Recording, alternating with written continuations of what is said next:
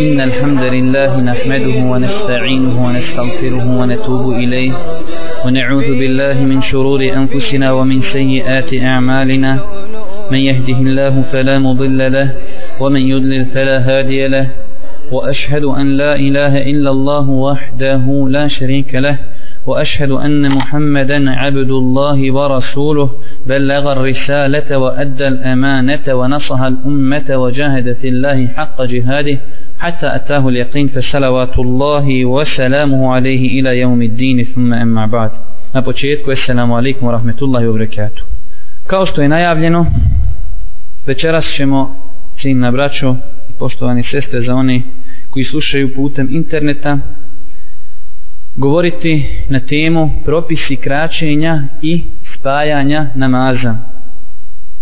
Normalno na samom početku treba da napomenemo za one ljude koji slušaju putem interneta da ovo nisu klasična predavanja, već da je ovo zamišljeni kurs, a mi smo ga nazvali Zimska škola Islama. Zašto ovo spominjemo? Iz razloga što će ovo biti malo sporiji tempo, jer ovdje imamo bar predamnom ima neki ljudi koji su spremni da nešto i zapišu. Iz tog razloga neka pitanja ćemo morati ovaj i neke dokaze više puta ponoviti kako je braća uspila da zapišu najbitnije stvari također preporučujemo svima onima koji slušaju da ovaj također zapišu one najbitnije stvari znači ona mišljenja koja budemo preferirali i dokaze za to što se tiče konkretno večerašnje tematike To je zasigurno jedno pitanje koje se dosta puta poteži među braćom i dosta puta ljudi koji imaju priliku da se obraćaju ljudima, da li daje, da li profesori, da li doktori, magistri, ovaj, bivaju pitani o toj tematici. Jer velik broj ljudi ima nejasnoće kada je u pitanju ova tematika. Normalno, kada pogledamo u knjigama šerijata i kada pogledamo u knjigama prava, fikha, vidjet ćemo da su islamski učenjaci to do u najsitnije tančine pojasnili. Znači, vraća se problem na nas koliko smo spremni da žrtvojemo svoje vrijeme, svoj trud i da izučimo dobro ovu tematiku. Što se tiče ove tematike, konkretno spajanja i kraćenja namaza, ona je bila zasigurno uvijek aktuelna. Ali svakim danom je sigurno sve više i više aktuelna iz razloga što je sve više ljudi koji mogu priuštiti sebi vozilo, to biva razlogom njihovog putovanja, sve više ljudi općenito na zemaljskoj kugli što proizilazi iz toga da su veće potrebe za trgovinom, veće potrebe za odlascima u gradove i sve nas to znači vodi u pravcu da govorimo o ovoj temi. Također, s druge strane, kada pogledamo ovu tematiku, iz nje vidimo potpunost Allahove subhanahu wa ta'ala vjeri, da Allahova subhanahu wa ta'ala vjera je potpuna i da nije ostavila ni jednu stvar, a da je nije potpuno definisala. Tako ćete vidjeti da su islamski učenjaci kada je u pitanju kraćenje i spajanje namaza i ostale druge znači oblasti da su to obradili do u najsitnije tančine. Isto ga vidimo koliko je potpuna Allahova subhanahu wa ta'ala vjera. Također vidimo istoga Allahovu subhanahu wa ta'ala milost prema ovom ummetu. Jer Allah je čovjeku koji je na putu dozvolio neke olakšice. Sve u cilju da se čovjeku olakša, olak, da mu se olakša praktikovanje Allahovi subhanu wa ta'ala vjeri. Pa ćemo naći da Allah subhanu wa ta'ala dozvoljava mu safiru da krati namaz. U nekim situacijama mu je dozvoljeno spajanje namaza. Dozvoljeno je mu safiru da potiri tri dana po mestvama. Musafiru je dozvoljeno ako putuje u mjesecu posta Ramazana da mrsi također musafiru je dozvoljeno da kao što smo spomenuli u predprošlom predavanju čovjek ako klanja na filu na putovanju da mu je dozvoljeno da se ne okreće u pravcu kibli normalno pod uslovima koji smo mi spomenuli koristi radi i za onu braću i sestre koji slušaju putem interneta pošto ono predavanje nije išlo preko interneta da bi čovjek na putovanju znači kada klanja na filu da znači treba da se ispune neki uvjeti pa da ne mora da se okreće prema kibli. Mi smo spomenuli tri uvjeta. Prvi od tih uvjeta jeste da je čovjek putnik. Drugi uvjet jeste da je to putovanje u toku.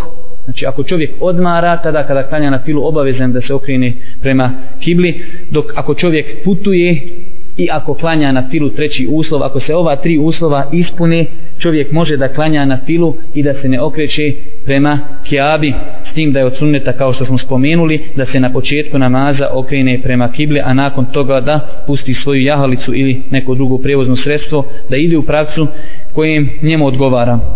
Također vidimo Allahu subhanu wa ta'ala milost prema nama iz hadisa Božeg poslanika sallallahu alaihi wasallam gdje kaže kada se razboli neki Allahov rob ili otputuje Allah Đelešanu narijedni melecima kaže upišite mu nagradu onoga što je radio kada je bio zdrav i kada je bio kod kući. Znači ako je čovjek kod kući imao da kažemo običaj klanjati pritvrđeni sunnete. Kada ode na putovanje smatra da na putovanju ne treba da klanja inša Allah ima nagradu kao da je i klanjao te namaze zato što Allah Đelešanu mu znači upisuje potpunu nagradu dobro da se vratimo konkretno našoj tematici mi ćemo ako Boga večeras govoriti o kraćenju govorit ćemo samo o kraćenju namaza iako je naslov našeg predavanja propisi kraćenja i spajanja namaza ali da bi što bolje shvatili ovu tematiku, razdvojit ćemo ove dvije tematike kao što je običaj svih islamskih učenjaka u pravnim knjigama, da prvo govori o jednoj, a, na, a zatim o drugoj. Znači, većinom prvo govori o propisima kraćenja namaza, a nakon toga govori o spajanju. Zašto ovo, braću moja draga, naći ćemo velik broj ljudi da imaju nejasnoće kada su pitanje ovi propisi? pa ćemo vidjeti da ljudi smatraju da postoji uzročno posljedična veza između ove dvije stvari. Pa ćemo naći ljude gdje misle ako čovjek krati da je obavezan spajati. Naći ćemo druge ljude da konta ako spajaš moraš i kratiti. Dok postoje tri situacije. Postoji vrijeme kada čovjek krati namaz ali ga ne spaja. Postoji situacija kada spaja a ne krati. I treća situacija kada čovjek ispaja i krati namaz to nam je i te kako bitno da napravimo razliku između ove tri situacije. Kada čovjek krati namaz, ali ga ne spaja. Kada spaja, a ne krati. I treća situacija, kada i spaja i krati. Znači ne postoji uzročno posljedična veza ako ima jedno ima drugo. Ne. Može se naći znači druge situacije. Dobro. Također prije nego što počnemo konkretno govoriti o temi, da spomenimo to, da ćemo o ovoj tematici zbog njene bitnosti govoriti malo opširnije. Nadam se da ćemo večeras i sutra, ako Bog da, nakon predavanja koje je posle jacije, ono uobičajeno klasično predavanje, nakon tog predavanja ćemo imati predavanje fikha, da ćemo moći ako Bog da završite ovu tematiku, ako i ne završimo, ne žuri nam se. Znači, govorit ćemo malo opširnije, ali ne preopširno, inšala da nam bude hajde kažemo dosadno, iako ne bi trebalo nikada da bude dosadno. U većini slučajeva spominjat ćemo pitanje, nakon tog pitanja spomenut ćemo mišljenja u Leme, mezherska mišljenja, nakon toga ćemo probrati jedno mišljenje i spomenuti argumente za njega. Ma neko će kazati, jel ima nešto obširnije od toga? Ima. Ima obširnije da spomenemo za svaki mezheb njegove dokaze, pa da spomenemo ono mišljenje koje mi preferiramo i da odgovorimo na te dokaze, ali to bi nam uzelo mnogo vremena, zato ćemo mi spominjati mišljenja u Leme, jedno prioritetno mišljenje i dokaze za to mišljenje. Dobro, što se tiče, braćo moja draga, kraćenja putovanja, odma sada da vam dadim jednu smjernicu koju ne smijete nikada u životu zaboraviti. A to je, kraćenje namaza je karakteristično i posebno, znači se veže samo za putovanje. Ovo zapamtite od danas pa nadalje i u budući. Nema situacije u kojoj čovjek može doći pa da krati namaz osim putovanje. Ovo sve što večeras budemo govorili odnosi se, braću moja draga, na putovanje. Znači da sada to na početku spomenemo i da ne moramo više ponavljati. Kraćenje namaza, propis kraćenja namaza je vezan samo za putovanje. Zašto ovo govorimo? Zato kada budemo govorili o spajanju namaza, tu je razlika između spajanja i kraćenja. Spajanje namaza može biti i kod kući.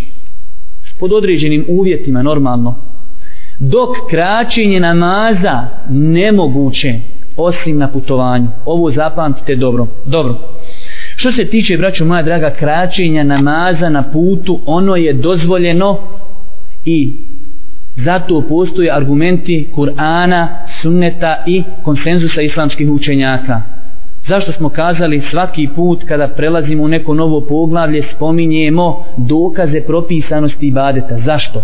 Zato kako bi se ova vjera sačuvala od novotarija i bidata, svaki put kada govorimo o novom ibadetu, obavezno na početku, prije nego što počnemo govoriti o, o pitanjima u kojima su se razišli učenjaci, prvo spominjemo dokaze propisanosti tog ibadeta i te stvari. Zato kažemo na propisanost kraćenja namaza na putovanju ukazuju tri izvora vjere. Kur'an, sunnet i konsenzus islamskih učenjaka. Što se tiče Kur'ana, možete zapisati sura En-Nisa 101. ajet. Sura En-Nisa 101. ajet gdje kaže Allah subhanahu wa ta'ala وَإِذَا دَرَبْتُمْ فِي الْأَرْضِ فَلَيْسَ عَلَيْكُمْ جُنَاحٌ أَن تَقْصُرُوا مِنَ الصَّلَاتِ إِنْ خِفْتُمْ أَن يَفْتِنَكُمُ الَّذِينَ كَفَرُوا إِنَّ الْكَافِرِينَ كَانُوا لَكُمْ عَدُوًّا مُبِينًا Prijevod značenja vama je bitno da zapišete samo prvu rečenicu jer je u njoj dokaz, a ono ostalo ćemo spomenuti, spomenuti koristi radi. Kaže Allah subhanahu wa ta'ala, nije vam grijeh da molitvu na putovanju skratite. To je dovoljno da zapišemo. Kaže Allah subhanahu wa ta'ala, nije vam grijeh da molitvu na putovanju skratite.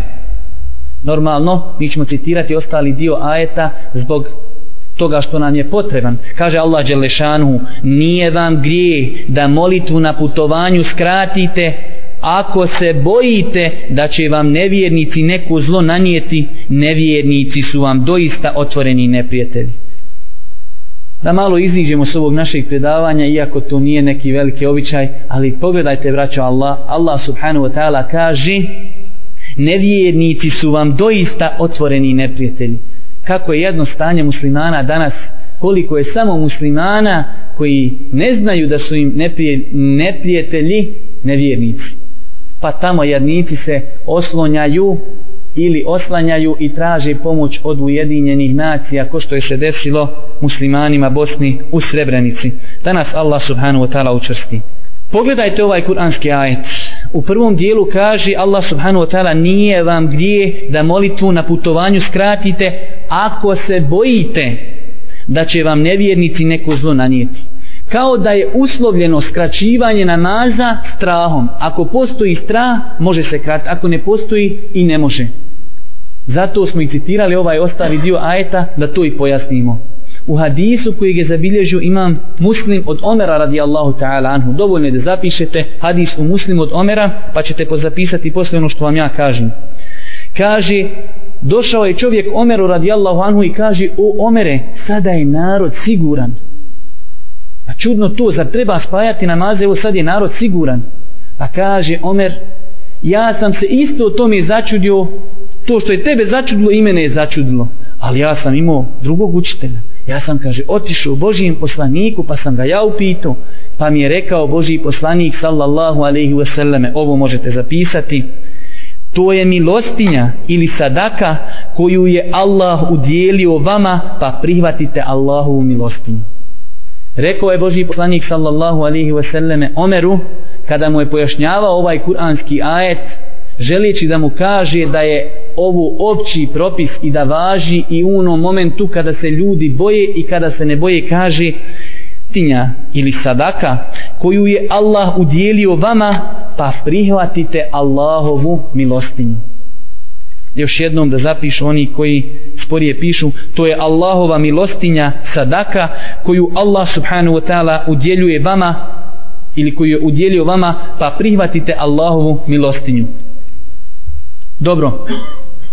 Nakon što smo spomenuli dokaz iz Kur'ana da je dozvoljeno kratiti namaz na putovanju, prelazimo na drugi ovaj dokaz, a to je sunnet. U sunnetu Božijeg poslanika sallallahu alihi wasallame ima toliko mnogo hadisa koji govore na tu temu da kažu islamski učenjaci da su ti hadisi dostigli mutevatir hadisi nekada drugi put možda i pojasnimo šta je to mutevatir hadis, ali verovatno vi to svi znate. Dostigli su mutevatir hadis, ali mi ćemo spomenuti samo jedan hadis na tu temu. U hadisu koji je zabilježio imam Buharija i Muslim od Ibnu Omera. Znači dovoljno napisati tačka m tačka a Buharija i Muslim mutefakun alih od Ibnu Omera radijallahu ta'ala anhu gdje kaže Družio sam se sa Božim poslanikom i nije klanjao na putovanju više od dva rekiata. Kaže Ibn Omer radijallahu ta'ala anhu, družio sam se sa Božim poslanikom i nije na putovanju klanjao više od dva rekiata. Također Ebu Bekr, Omer i Osman. Ovo su znači riječi Ibn Omera radijallahu ta'ala anhu. Da ih ponovimo još jednom kaže Omer ibn Omer radijallahu ta'ala anhu družio sam se sa Božim poslanikom sallallahu alaihi wasallame i nije klanjao na putovanju više od dva rekiata također Ebu Bekr, Omer i Osman znači ovo je jedan od argumenta koji ukazuje na to da je dozvoljeno kratiti namaz na putovanju jer vidimo da Ibnu Omer, a ovaj ćemo hadis poslije citirati kada budemo govorili o propisu spajanja, znači je li to obavezno ili je sunnet pokuđeno mekru ili vidjet ćemo. Ovaj će nam hadis trebati. Ali kaže, ja sam se družio sa Božim poslanikom i nikada na putovanju nije klanjao više od dva rekiata. Dobro, što se tiče konsenzusa, znači islamski učenjaci imaju jedno, jednoglasan stav, konsenzus, da je dozvoljeno kratiti namaz na putovanju. Znači, općenito imaju jednoglasan stav. Normalno, po nekim pitanjima su se razišli, ali općenito kao propis islamski učenjaci imaju jednoglasan stav na osnovu hadisa, kuranskih ajeta, da je dozvoljeno kratiti namaz na putovanju. Dobro, ovdje ćemo opet napraviti jednu malu opasku da se malo odmore oni koji pišu. Pogledajte, braću moja draga, riječ sefer u arapskom, znači putovanje, na arapskom se kaže es sefer, morate malo sad paziti. U terminološkom značenju sefer putovanje znači da čovjek iziđe iz mjesta gdje stanuje. To je terminološki. A u jezičkom značenju, u arapskom znači jeziku imate riječi, imaju svoje jezičko značenje i imaju terminološko. Terminološki riječ putovanje ili sefer znači izlazak čovjeka iz njegovog, znači zavičaja, njegove domovine. Dok u jezičkom značenju riječ sefer, došla je od riječi, znači sufur, otkrivanje. Zato Arapi, kada govore, hoće da kažu žena koja je otkrila svoje lice, kažu sufur, otkrivanje lica. Zašto je riječ sefer putovanje dobila tu, znači istog značenja, otkrivanje? Je jednostavan odgovor, zato vraću moja draga što se na putovanju otkrivaju dobre i loše osobine saputnika. putnika. Zato su nekadašnje kadije u islamskoj državi, kaže, kada bi mu neko došao da svjedoči da nekoga poznaje i želi da za njega svjedoči, kaže, jesi li putovao sa njim? Ako bi rekao nisam, kaže, jesi li sa njim trgovo? Kaže, nisam. Onda, kaže, ti njega ne poznaješ. Ne možeš čovjeka poznavati osim ako si sa njim putovao ili ako si sa njim ovaj trgovao. Dobro, znači to je bila mala opaska. I ja kada pripremam ova predavanja, pa mi naiđu ove neke stvari, žao mi je da i vi ovaj, ne osjetite slast toga, pa ih pribilježim sebi ovako, da i vi čudnite. Dobro, nakon što smo, braću moja draga, spomenuli dokaze Kur'ana, sunneta, konsenzusa islamskih učenjaka o tome da je propisano kraćenje namaza na putovanju, postavlja se jedno veliko pitanje. Sad morate dobro paziti. Inače, rekli smo da je fik, riječ fik, znači fehem, razumijevanje. I nije dovoljno da čovjek zna dosta argumenata, već treba da razumije te argumente. Zato sad pažljivo slušajte. Nakon što smo rezimirali da je to dozvoljeno, postavlja se jedno veliko pitanje na kojem putovanju je dozvoljeno kratiti namaz. Na kojem putovanju je dozvoljeno kratiti namaz. Ovo pitanje može se gledati sa tri različita aspekta. Pazite dobro. Kada ti neko kaže na kojem putovanju možeš kratiti namaz, kažeš ja to pitanje razumijem s tri aspekta. Prvi aspekt jeste da me pitaš na kojem putovanju s aspekta je li to putovanje halal ili haram. Jer imamo putovanja, mogu se podijeliti na tri vrste. Muba putovanje, kao što je trgovina, znači nešto što je dozvoljeno. Imamo i bade putovanje, kao što je hađ, umra, džihad. I imamo treći haram putovanje, primjera je više nego što treba navoditi primjer. Znači prostitucija, drogiranje, pjevanje, igranje i sve ono što nije dozvoljeno. Znači, može se mi ovo pitanje shvatiti tako. Kada ti neko kaže na kojem putovanju je dozvoljeno kratiti namaz, da pita s aspekta putovanja koje je dozvoljeno i putovanja koje nije dozvoljeno. Dobro, imamo drugi aspekt. Da kaže čovjek na kojem putovanju je dozvoljeno kratiti namaz, želi time putovanje dužini. Je li ima neka dužina na kojem možemo kratiti namaz ili nema putovanje? Može li se na svakom putovanju, kratkom ili dugom, je li ima neka granica ili ne postoji granica ili ima običaj, znači želi to. Treći opet dođe i kaže na kojem putovanju se može kratiti namaz s aspekta poteškoći, jer imamo dvije vrste putovanja. Ima putovanje gdje čovjek osjeća poteškoću, da čovjek ide pješci, da čovjek ima fiću, pa se kvari, pa pogura, pa upali, to je poteškoća. Razlika je kad čovjek ima novo auto, ima unutra klimu, vozi ga vozač, on leži nazad ili u avionu, ili znači čovjek ne osjeća poteškoću. Je li kraće namaza karakteristično samo za putovanja na kojima ima poteškoća ili nije? Odgovore ćemo pokušati ako Bog da dati večeras i još ako Bog da mnogo toga. Dobro, prvo pitanje jeste, braćo moja draga, vrste putovanja s aspekta dozvoljeno putovanje i nedozvoljeno. Možete staviti naslov je li dozvoljeno kratiti namaz na haram putovanju. Dobro, dok vi to zapišete ja ću malo pričati. Islamski učenjaci po tom pitanju imaju tri različita stava. Islamski učenjaci po ovom pitanju da li je dozvoljeno kratiti namaz na haram putovanju imaju tri različita stava prvi stav u Leme, odnosno imama Ahmeda, rahmetullahi alihi, jeste da je dozvoljeno kratiti namaz samo na putovanju koje je putovanje ibadet. Znači, hađ, umra, džihad i nešto slično tomi. On je smatrao da se putovanje, znači kratiti namaz može samo na tim putovanjima. Većina islamskih učenjaka, odnosno kada gledamo s, mezheb, s aspekta mezheba, to jest šafijski i malikijski mezheb, smatrali su da je dozvoljeno kratiti namaz na svakom mubah putovanju. Šta znači mubah? Znači obuhvata ono što je spomenuo Ahmed ibn Hanbel i još na to sve što je dozvoljeno. Primjera radi, čovjek želi da trguje, to je mubah dozvoljeno. Želi da ide posjetiti nekog od rodbine, dozvoljeno. Želi da ide u dozvoljen turizam, moramo reći dozvoljen, pošto postoji turizmi koji su... Ha, ha. Ako čovjek želi da ide da posjedi neko lijepo turističko mjesto, znači na kojim nema nikakvi šerijetski prekršaja, to su sve mubah stvari. Ova dva mezheba šafijski i malikijski dozvoljavali su kraćenje namaza na tim putovanjima. I ostaje nam treć, četvrti mezheb, a to je mezheb imama Ebu Hanife. Oni su dozvoljavali da se namaz krati na svim putovanjima. Na haram putovanjima, na muba putovanjima i na putovanjima koja su ibadeti. badeti. Ovo mišljenje preferirali su još neki islamski učenjaci. Na primjer, ne morate se truditi sve zapisati, ali dovoljno je da zapišete neki.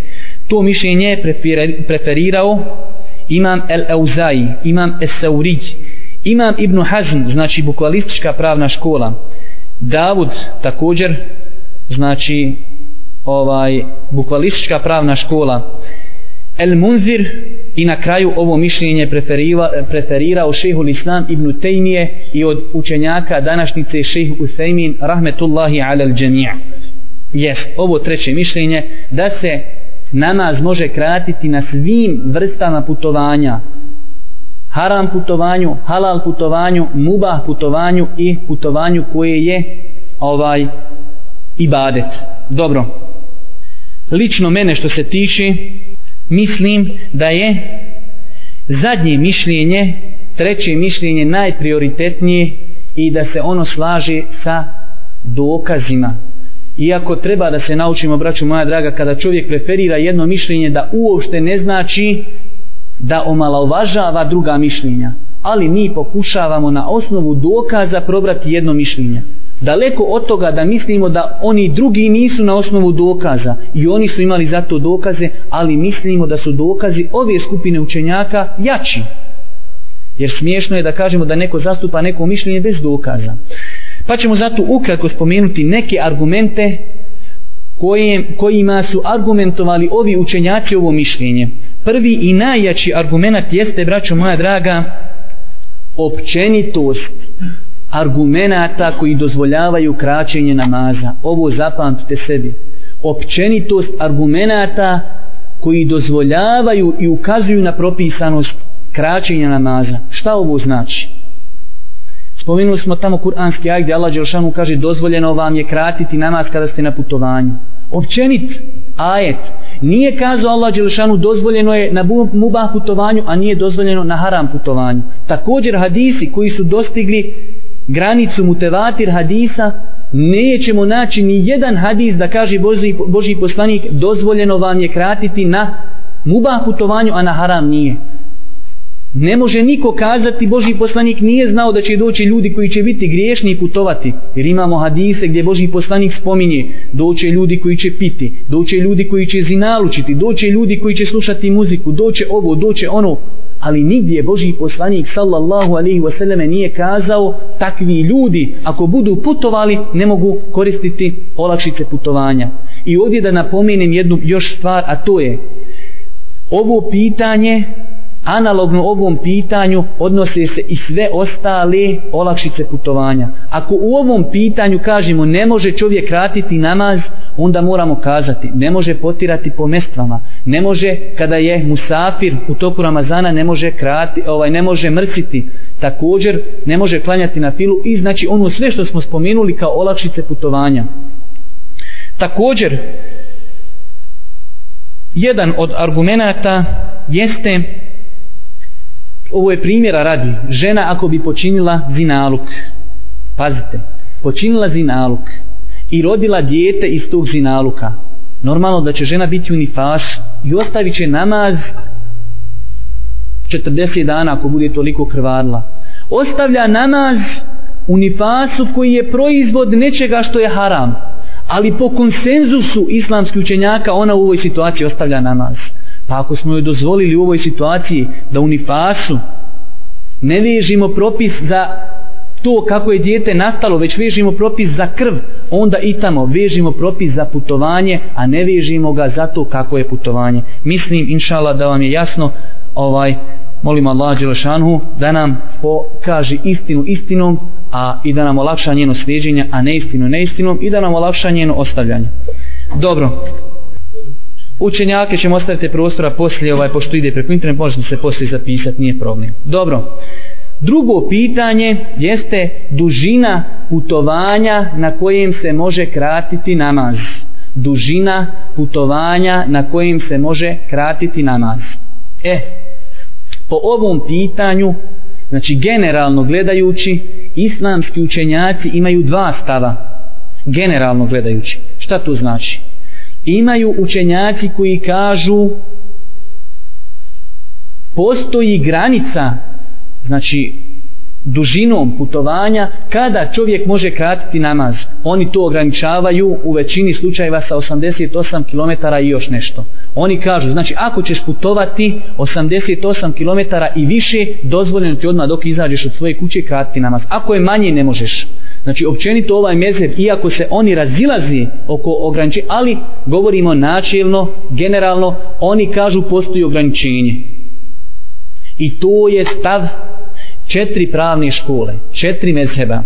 Imamo drugi, drugo mišljenje, jeste da putovanje na kojem se krati namaz nije ograničeno dužinom, ali se to vraća na običaj jednog naroda. Sve što jedan narod smatra putovanjem, to je putovanje. A sve što jedan narod ne smatra putovanjem, to nije putovanje. Navodili smo dosta puta primjere, ali ilustracije radi.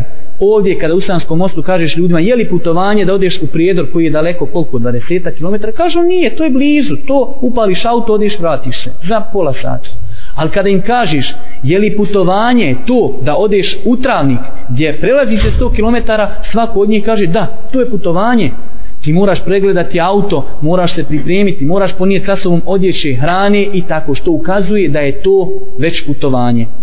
To je znači mezheb bukvalističke pravne škole šehul Islama ibn Tejmije, ibn Qajjima njegovog učenika, ibn Kudami, ovo je jedan veliki hanbelijski učenjak koji ima knjigu El Mugni, poznata inša Allah svima vama, i na kraju ovo je stav šeha Usemina rahmetullahi alel džemija. Znači da ponovimo ovo zadnje mišljenje učenjaci koji kažu putovanje na kojem čovjeku je dozvoljeno kratiti namaz je ono putovanje koje se u njegovom narodu smatra putovanjem. Ovo mišljenje su zastupali bukvalistička pravna škola šehul islam ibn Tejmije šehul islam ibn Qajim Ibn Kudame, jedan veliki hambelijski učenjak i na kraju šejh Usaymin rahmetullahi alel džemije. Da vam ne komplikujem jer je to malo komplikovano na arapskom, a na bosanskom još više, kako su ova četiri mezheba znači ograničili putovanje samo da napomenemo znači tri mezheba ovo sad pazite dobro kazali smo generalno da oni kažu da je ograničeno dva, tri mezheba od četiri kažu da je to dva dana putovanja, a hanefijski mezheb kažu tri dana. Ali općenito oni svi ograničavaju, dok oni drugi ne ograničavaju, već kažu to se vraća na običaj. Na osnovu čega to oni ograničavaju, znači postoji tamo argumenti, ali oni su to u tim mjerama njihovog vremena u poštarima. Prija se pošta nosila konjima, njima čovjek pola dana jaši jednog konja i dođe na neko mjesto gdje ga čeka novi konj odmoran i sađe malo se odmori uzjaši novog konja i ide dalje do kraja dana to putovanje do pola dana oni su smatrali kao jedan poštar drugi dio dana to je drugi poštar i znači oni su govorili dozvoljeno je puto, kratiti putovanje onoliko dugo četiri poštara znači koliko čovjek može prijeći za dva dana Znači, to je nešto od prilike. Što se mene lično tiče, ja zastupam i preferiram mišljenje drugog dijela islamskih učenjaka, onih učenjaka koji su smatrali da putovanje na kojem se krati namaz nije ograničeno, već da se vraća na običaj naroda. Spomenut ćemo samo neke argumente za to prvi argument je kao i prošli argument općenitost argumenta koji ukazuju na propisanost dozvoljenosti znači kraćenje na naza vidjeli ste tamo Allah Đelešanu kaže kada budete na putovanju dozvoljeno vam je kratiti namaz nigdje nećete u šerijatu naći da ima dokaz da li u Kur'anu, da li u sunnetu da kaže ako budete toliko putovanje putovali onda kratite. Ako bude manje od, manje od toga, nemojte. Već dolazi riječ putovanje. Također u mnogim drugim hadisima Božijeg poslanika uvijek se spominje samo riječ putovanje koja nikada nije precizirana.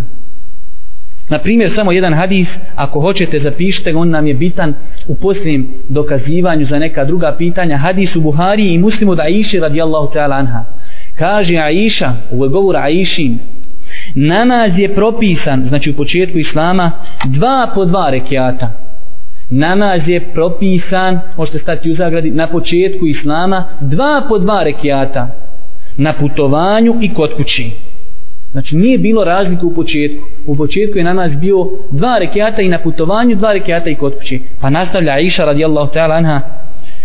Pa je namaz putnika potvrđen. Znači ostao je na dva pa je namaz putnika potvrđen, a povećan je namaz kod kući. Pa je namaz putnika potvrđen, znači ostalo je na onom je dva rekiata, a namaz kod kuće je ovaj povećan. Ovo je hadis, znači u Buhari muslimu da iše radijallahu ta'ala anha, namaz je propisan dva po dva rekiata, kod kuće i na putu, pa je namaz putnika potvrđen, a povećan je namaz kod kući. Vidimo, braćo moja draga, ovdje kako u kuranskom ajetu, tako i u hadisima da se spominje riječ putovanje. Ne postoji jasan argumentat u kojem se precizira to putovanje. I onda šta mi moramo raditi? Pošto nema u šerijatu ograničenja. A to vam je općenito jedno pravilo u šerijatu. Kada šerijat traži od čovjeka neku stvar i nije šerijatski ona precizirana, ta stvar se vraća na običaj naroda. Zato mi i kažemo ljudima šta vi smatrate putovanjem. Oni kažu mi smatramo putovanjem to i to. To je za nas putovanje i mi ćemo na tom putovanju kratiti namaz. Dolazimo do trećeg pitanja koje je usko vezano za ovo drugo pitanje. To je vrste putovanja gledano, gledajući s aspekta postojanje teškoće i umora na putovanju i nepostojanje. Znači, da li se može kratiti namaz na svim vrstama putovanja bez razlike da li to putovanje bilo lahko čovjeku ili je znači uslov za kraćenje namaza da postoji poteškoća kao što je nekad bilo znači putovanje na devama. Odgovor je, kao i malo prije, zbog općenitosti hadisa i kuranskog ajeta, dozvoljeno je kratiti na nas na svakom putovanju bez razlike da li to putovanje, da li na tom putovanju čovjek doživljavao poteškoću ili ne doživljavao. Što znači čovjek ako putuje brodom, avionom, u ugodnom autu, sa klimom, ako putuje na putovanju koji njegov narod smatra da je putovanje on njemu je dozvoljeno da krati namaz znači da rezimiram ovo zadnje da vraća uspiju zapisati da li je dozvoljeno kratiti namaz na onim putovanjima gdje čovjek ne osjeća velik umor Zašto ovo se poteže? Zato što u prijašnje vremena ljudi su putovali na devama i bilo je zaista poteškoći. Danas ljudi putuju u ugodnim autima, u avionima, u brodovima, ali kažemo šerijat nije striktno naglasio kraćenje namaza je zbog poteškoći, već općenitost argumenta Kur'ana i Sunneta ukazuju da je propis vezan za putovanje i sve što se smatra putovanjem bez razlike da li to čovjek prelazio s lahkoćom ili imao na tom putovanju poteškoću za ovaj dozvoljeno čovjeku da krati na tom putovanju na nas. Dobro. Također ovdje možemo samo jedna opaska, znači da ne bi neko shvatio da je kraće i namaza posebno samo za putovanje ko ovim, kako se zove, kopnom. Znači, svi vidovi putovanja potpadaju pod to. Bez razlike da li čovjek putovao kopnom, morem, zrakom, vazduhom, svi vidovi znači putovanja potpadaju pod ovaj ovaj propis. Dobro. Nakon što smo spomenuli argumente koji ukazuju na propisanost ovog ibadeta i ovog ovaj propisa, pa smo spomenuli vrste putovanja sada jedno pitanje koje se samo pomeni nameće, a to je kada kažeš čovjeku dobro, ima putovanje i može se kratiti i tako uslovi, haram putovanje, halal putovanje, kratko, dugo, sve mu pojasniš, a onda on tebi kaže, pa dobro, jesam li ja obavezan kratiti namaz ili nisam? Je li to olakšica, je li to sunnet? Šta ako ja upotpunim namaz, je li mi ispravan ili nije? Znači, pitanje, braćo moja draga, je propis kraćenja namaza je li čovjek na putovanju obavezan krati namaz? Jer vidjeli smo praksa Božijeg poslanika je bila da je uvijek kratio. Ili je to samo sunnet, ili je pokuđeno ostaviti, ili je pokuđeno kratiti, znači to nas sada interesuje. Što se tiče, braćo moja draga, ovog pitanja, islamski učenjaci, nažalost, moramo reći nažalost, su se podijeli, imaju oprečna mišljenja pa ćemo naći učenjake hanetijske pravne škole i bukvalističke pravne škole da su smatrali obaveznim kraćenje namaza na putovanju.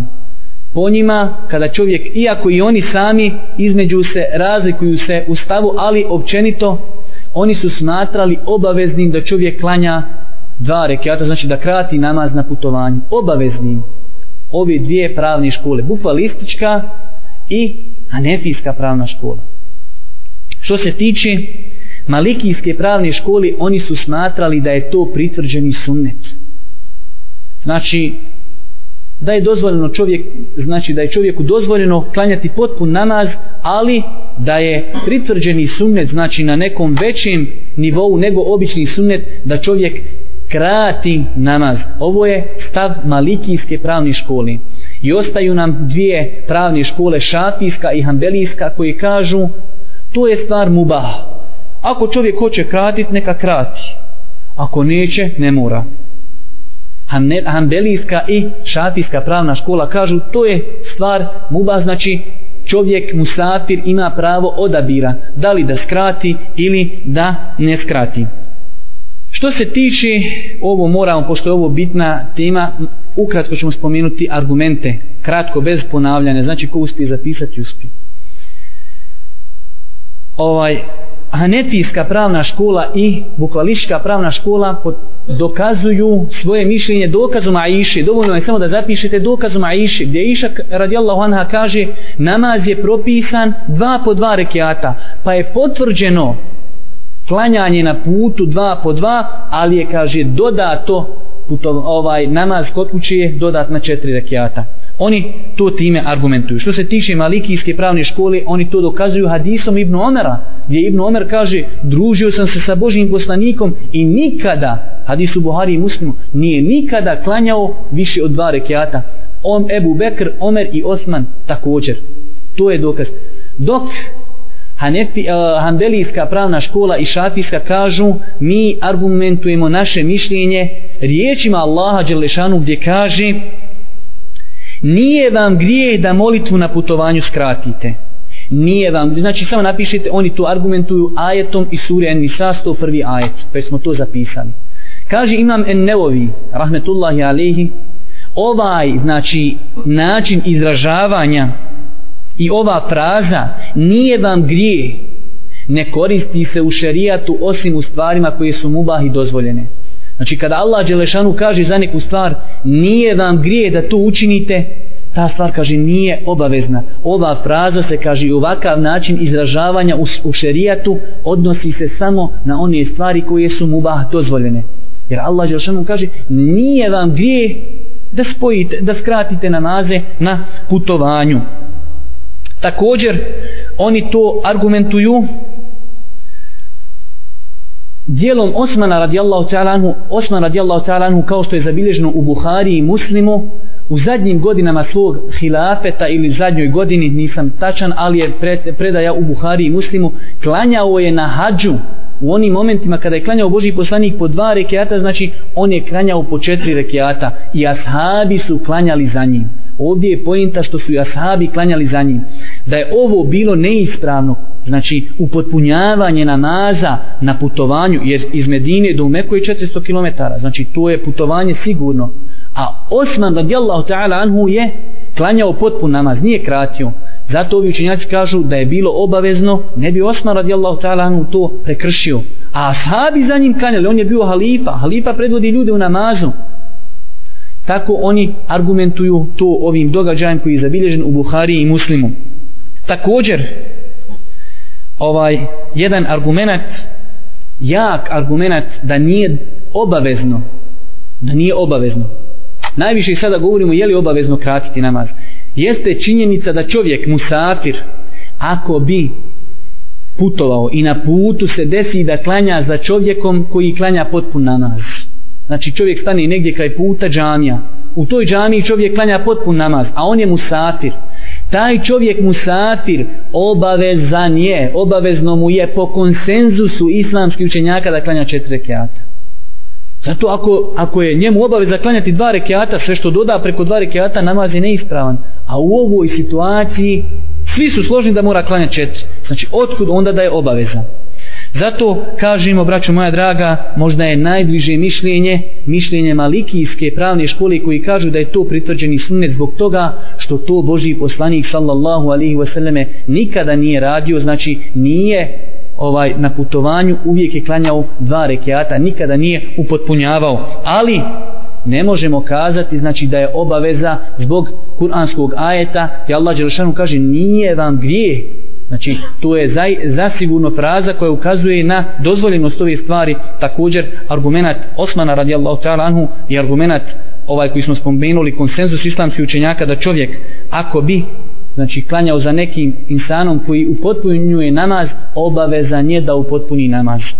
Na kraju možemo samo spomenuti ukratko šehu Islam ibn Taymije i šehu Usejmin smatrali su da je pokuđeno ne haram, znači pokuđeno da čovjek upotpuni namaz, ali znači nisu to smatrali ovaj obavezom. Znači pokuđenim su smatrali upotpunjavanje namaza na putovanju. Zbog stalne prakse Božih poslanika, njegova stalna praksa je bila da je stalno kratio namaz na putovanju. Dobro, mislim da možemo inšala obraditi još jedno pitanje i time ćemo inšali završiti ovo predavanje, osim ako vi želite, ja imam gotovo predavanje iza sutra, pa ako ćete da nastavimo, možemo. Nakon što smo, moramo malo povezati u cijelinu, nakon što smo spomenuli argumente da je dozvoljeno kratiti namaz, argumenti Kur'ana, sunneta, konsenzusa, pa smo obradili na kojem putovanju se može kratiti. Pa smo kazali putovanje gledano s aspekta halal haram, pa putovanje gledano s aspekta dužine, je li to precizirano nije. I treći aspekt, ovaj, teži, e, postojanje težine, znači ili neki, šta ja znam, poteškoća na putovanju. Nakon toga obradili smo je li obaveza kratiti namaz ili nije. I sada jedno pitanje koje se samo također nameći. Dobro, čovjek kaže sve si mi pojasnio u redu, ali kada ja to počinjem? Ha? Gdje je ta granica? Kada ja počinjem kratiti namaz? Sve ti meni pričaš daljina, dužina, ima problema, nema problema, halal, haram, ali kada ja, evo ja sam putnik, putujem za Sarajevo, kad ću ja početi, kada počinjem kratiti namaz. To je, braćo moja draga, jedno pitanje zasigurno bitno i obratite pažnju na njega. Iako nema velikog razilaženja kod islamskih učenjaka, ali zbog toga što mi malo čitamo knjige prava i fika, imamo nejasnoća. Po ovom pitanju islamski učenjaci imaju tri mišljenja, ali dva mišljenja su mnogo slaba, tako da jedno mišljenje znači, je mnogo jako i zastupa ga velika, velika većina islamskih učenjaka. Velika, velika većina islamskih učenjaka smatra da čovjek počinje kratiti namaz. Ovo morate zapisati sve riječ po riječ. Čovjek počinje kratiti namaz kada svojim tijelom napusti naseljeni dio svoga naselja. Sve riječ po riječ. Čovjek počinje kratiti namaz onog momenta kada tijelom svojim napusti naseljeni dio svoga nasilja. Svaka ova riječ ima svoje značenje. Zato se mora ovako precizno ponoviti i zato, se, zato sam i ja morao na pamet naučiti. Još jednom da ponovimo, mislim da ćete uspjeti zapisati čovjek počinje kratiti namaz onog momenta kada svojim dijelom iziđe iz naseljenog dijela svoga naselja. E, dobro. Imamo drugo mišljenje, a to je da čovjek počinje kratiti namaz onog momenta kada se udalji toliko od svog naselja da znači više pogledom ne može vidjeti svoje naselje.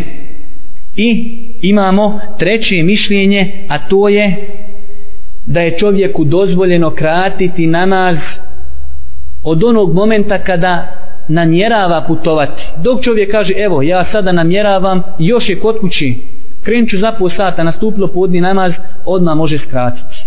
Znači, bitno je da ima namjeru da će putovati, da je se spremio za to putovanje, dozvoljeno mu je kod kući. Razlika između ovog putovanja, razlika između ovog mišljenja i onog mišljenja većine učenjaka što oni kažu nije dozvoljeno kod kuće ni u kom slučaju.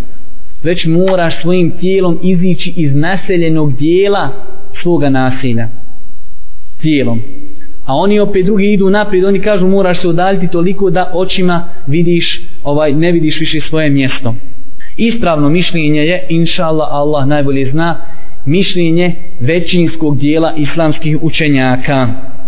Ovaj, dokaz tome su onaj kuranski ajet u suri En Nisa 101 koji smo mi ovaj citirali i zapisali gdje Allah Đelešanu kaže nije vam grije da na nas kratite na putovanju Zato ne možemo kazati za čovjeka koji kod kuće ima namjeru da će putovati da je on putnik. Možda on zaista namjerava i spremio sve da krene, jave mu, on skrati namaz, kaže mu umrla ti rodica, moraš biti na dženazi, ne otputuje. A skratio namaz, znači ovaj ovaj ajet Allah Đelšanu kaže nije vam grije da namaz skratite kad ste na putovanju. Taj čovjek koji kod kuće je na putovanju, nije na putovanju, znači bez imalo razilaženja. Zato ovaj kažemo da to mišljenje nije jako. Također, hadis u Buhari i Muslimu, da je Boži poslanik sallallahu alaihi wasallame, kada je išao na hađ, znači, u Medini je klanjao podni namaz četiri rekiata. A kada je krenuo na hađ, znači iz Medine se iziđe par kilometara, sad zaboravio sam tačno, ali do tog mikata gdje se oblači i hrami kada se kreće prema Mekke. A već na tom mikatu koji se zove Zulhuleta klanjao je dva rekiata i kindi. Šta nam ovdje ukazuje? Na inispravnost onog mišljenja prvog također, koji smo kazali da čovjek krati namaz kod kući. Boži poslanik je znao sigurno da kreće i nahađ. Spremio je se, u Medini je klanjao četiri rekiata, a već odmah po, nakon svog izlaska iz Medine klanjao je, kako se zove, dva rekiata. Tako da vidimo da to što neko ima namjeru da putuje nije dovoljno da čovjek skrati namaz, već je obaveza da svojim tijelom iziđe iz naseljenog dijela svoga naselja. Dobro, ukratko da vam ovaj samo pojasnimo zašto smo ovako ovu rečenicu precizirali. Znači čovjek je obavezan da svojim tijelom zato da bi ovaj da kažemo odbacili ono mišljenje koji kažu da može kod kući svojim tijelom napustio naseljeni dio zašto kažemo naseljeni dio evo ovdje je najljepši pojasniti primjer sani zamislite ne do bog ne do bog da jedan dio sanskog mosta onaj tamo preko rijeke ili ovaj vamo poplava odnese i više ljudi u njemu ne stanuju, ne stanuju. Uopšte se to više ne smatra znači nasiljem. Ali postoje zidine, I čovjek koji hoće putovati kreće i tamo ide preko tog dijela. Dovoljno je da prijeđe preko mosta i krene tamo gdje više se ne stanuje, to se više ne smatra nasilje. Zato smo kazali iz naseljenog dijela. Ondje gdje se stanuje, to se smatra nasilje. A to da negdje postoje neke nastambe u kojima se ne stanuje, da li zbog rata, da li zbog poplava, da li iz nekog bilo drugog razloga, znači to se ne smatra nasiljem. I zašto smo rekli iz svoga nasilja? to ako postoje dva nasilja blizu jedno drugog. Na primjer, zamislite imaju dva nasilja i samo je metar zemljišta između njih. Potočić neki ili nešto. Čovjek dok iziđe iz svog nasilja, makar ta nasilja se samo razlikovala pedalj. Dok iziđe iz svog nasilja, gotovo. On može kratiti namaz. Zato smo kazali iz svog nasilja. Normalno, ako se dva nasilja toliko spoje, da ovaj više se ne zna koje koje, o tome nećemo razgovarati drugi put ako Bog da. Dobro, ako hoćete da još nastavimo, a ovaj, ako nećete, onda ćemo to ako Bog da nastaviti sutra. Molim Allah subhanu wa ta'ala da nas poduči propisima Allahove subhanu wa ta'ala vjeri. Molimo ga subhanu wa ta'ala da pomogne muslimane na svim mjestima. Molimo ga subhanu wa ta'ala da nam bude milostiv na sudnjem danu i na kraju subhanaka Allahumma wa bihamdike ashhadu an la ilaha illa ente astaghfiruke wa atubu ilayk